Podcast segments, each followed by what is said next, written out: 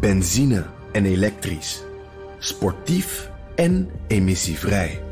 In een Audi plug-in hybride vindt u het allemaal. Ervaar de A6, Q5, Q7 en Q8 standaard met quattro vierwielaandrijving. Wat u ook zoekt, u vindt het in een Audi. Audi. Voorsprong door techniek. Postma in Amerika. Tijd voor het Amerikaanse nieuws door de ogen van onze correspondent in Washington, Jan Postma. Jan, een linkse actiegroep zegt tegen Joe Biden: doe het niet. Het is een groep die eh, veel progressiever is dan Biden zelf. En eigenlijk zegt, ja, we hebben geen tijd voor compromissen straks... Uh, als jij voor een tweede termijn wil gaan. Als het gaat om abortus, het klimaat, noem het allemaal maar op. We hebben eigenlijk veel drastischere maatregelen nodig. En dat kan niet met Joe Biden. If he runs, the election is at serious risk. Joe Biden representing the status quo in 2024 simply won't cut it. We can't afford to risk the White House to a Republican who could defeat status quo Joe.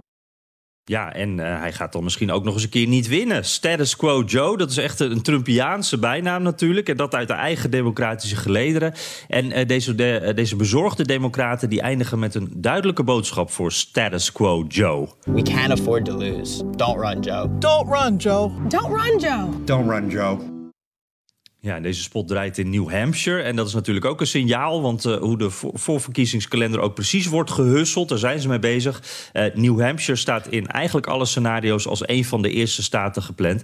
En dit spotje die draait, terwijl uh, CNN vandaag net zegt te weten dat Jill Biden de plannen van haar man Joe steunt als hij nog een keer het gaat proberen. Ja, want dus, daar, ja, we'll see. er, was, er was steeds maar um, gedoe over. Ze zouden eerst, zou de familie het met Thanksgiving doornemen. En daarna zouden we horen wat de beslissing was. En nou stellen ze dat nou weer uit voor kerst. En horen we daarna een beslissing? Of gaat dat gewoon voorlopig niet gebeuren?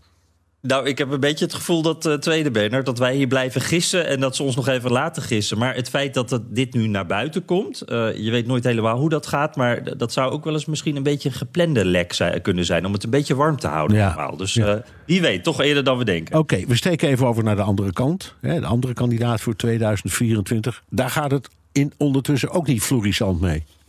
Nee, uh, en dat is precies ook iets waar Biden ook naar kijkt natuurlijk. Hè. Daar zou zijn beslissing vanaf kunnen hangen. Want Biden die ziet vooral kansen voor zichzelf als hij het tegen Trump op kan nemen. Maar met Trump gaat het op dit moment ook eigenlijk helemaal niet zo goed. Uh, een maand geleden lanceerde hij zijn campagne. Hè. Sindsdien hebben we wat relletjes gehad. En verder eigenlijk alleen maar negatieve peilingen. En ik moet er een kleine disclaimer bij geven. Dit zijn vaak uh, peilingen waar Trump het opneemt tegen maar één of twee andere kandidaten. En dat worden er vast wel meer straks.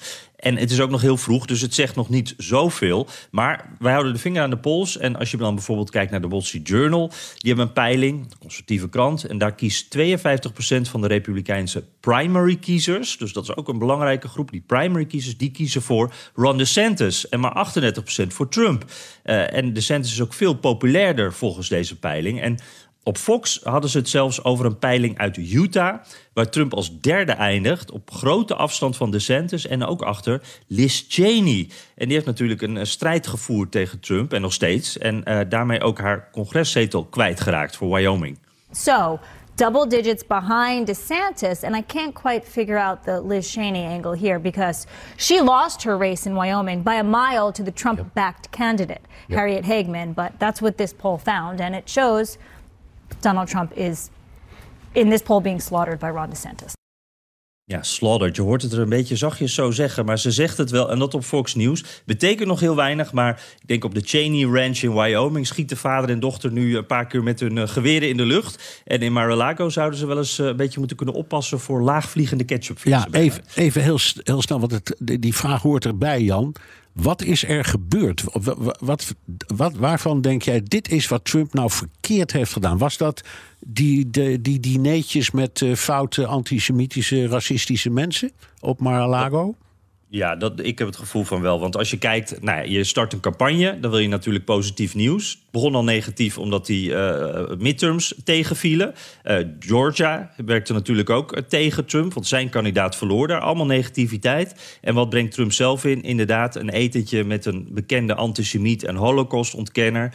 ah, echt, uh, het duurde eventjes, maar Republikeinen steeds dichter bij de macht, die dat allemaal afkeurden. En heel veel negatieve publiciteit. En ik kan me voorstellen dat veel mensen daar toch van dachten, Republikeinen ook, van ja, kiezen we nou nog, nog een keertje voor uh, zoveel drama de komende vier jaar? Of, of moeten we dan toch voor een Ron DeSantis gaan, waar het toch al goed mee ging? Ja. Dus dat speelt allemaal wel mee. Ja, hij komt echt bovendrijven. Even, even uh, wat anders, Jan. Er waren tranen bij de onthulling van het officiële portret van Nancy Pelosi. Ja, die stopt als Speaker of the House hè, per januari. Want uh, nou, Democraten raken daar uh, de meerderheid kwijt. Dan krijg je een portret. En John Boehner die kwam even terug. En die was zelf natuurlijk Speaker of the House. Een republikein die, die, die afscheid nam van Washington... met, nou ik zal maar zeggen, de hete adem van de Tea Party in zijn nek toen. En, en eigenlijk een beetje zo toen Trump aan het opkomen was. wat meer een republikein van het oude stempel. En die man was helemaal klaar met Washington op dat moment. En hij is ja, soms wat excentriek, zal ik maar zeggen. Hij wordt soms bijvoorbeeld op onverwachte momenten wel eens wat emotioneel. En dat verwacht je niet bij hem als je hem ziet. En nu bij die onthulling van het officiële portret van Pelosi ook. En, en dat is de stilte die je straks hoort. Ik vond het wel mooi om dit even te laten horen. Want het is uh, hieruit blijkt dan dat het niet altijd ruzie is in dat congres. Dit is echt wederzijds respect tussen een republikein en een democraat. En dat was wel heel mooi, maar tegelijkertijd is het ook een beetje confronterend. Want dit zijn de warme woorden van twee mensen die afscheid nemen of, of hebben genomen. En eigenlijk een beetje dus twee mensen uit een bijna vervlogen tijdperk. You know, the younger generation today has a saying: game recognizes game. And the fact of the matter is, no other Speaker of the House in the modern era, era Republican or Democrat, uh,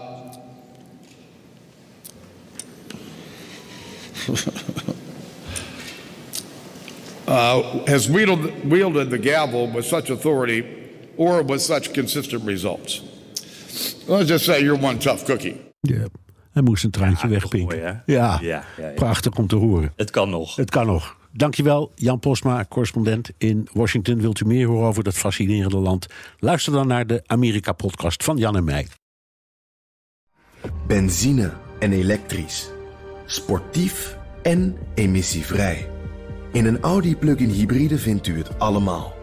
Ervaar de A6, Q5, Q7 en Q8 standaard met quattro vierwielaandrijving. Wat u ook zoekt, u vindt het in een Audi. Audi. Voorsprong door techniek.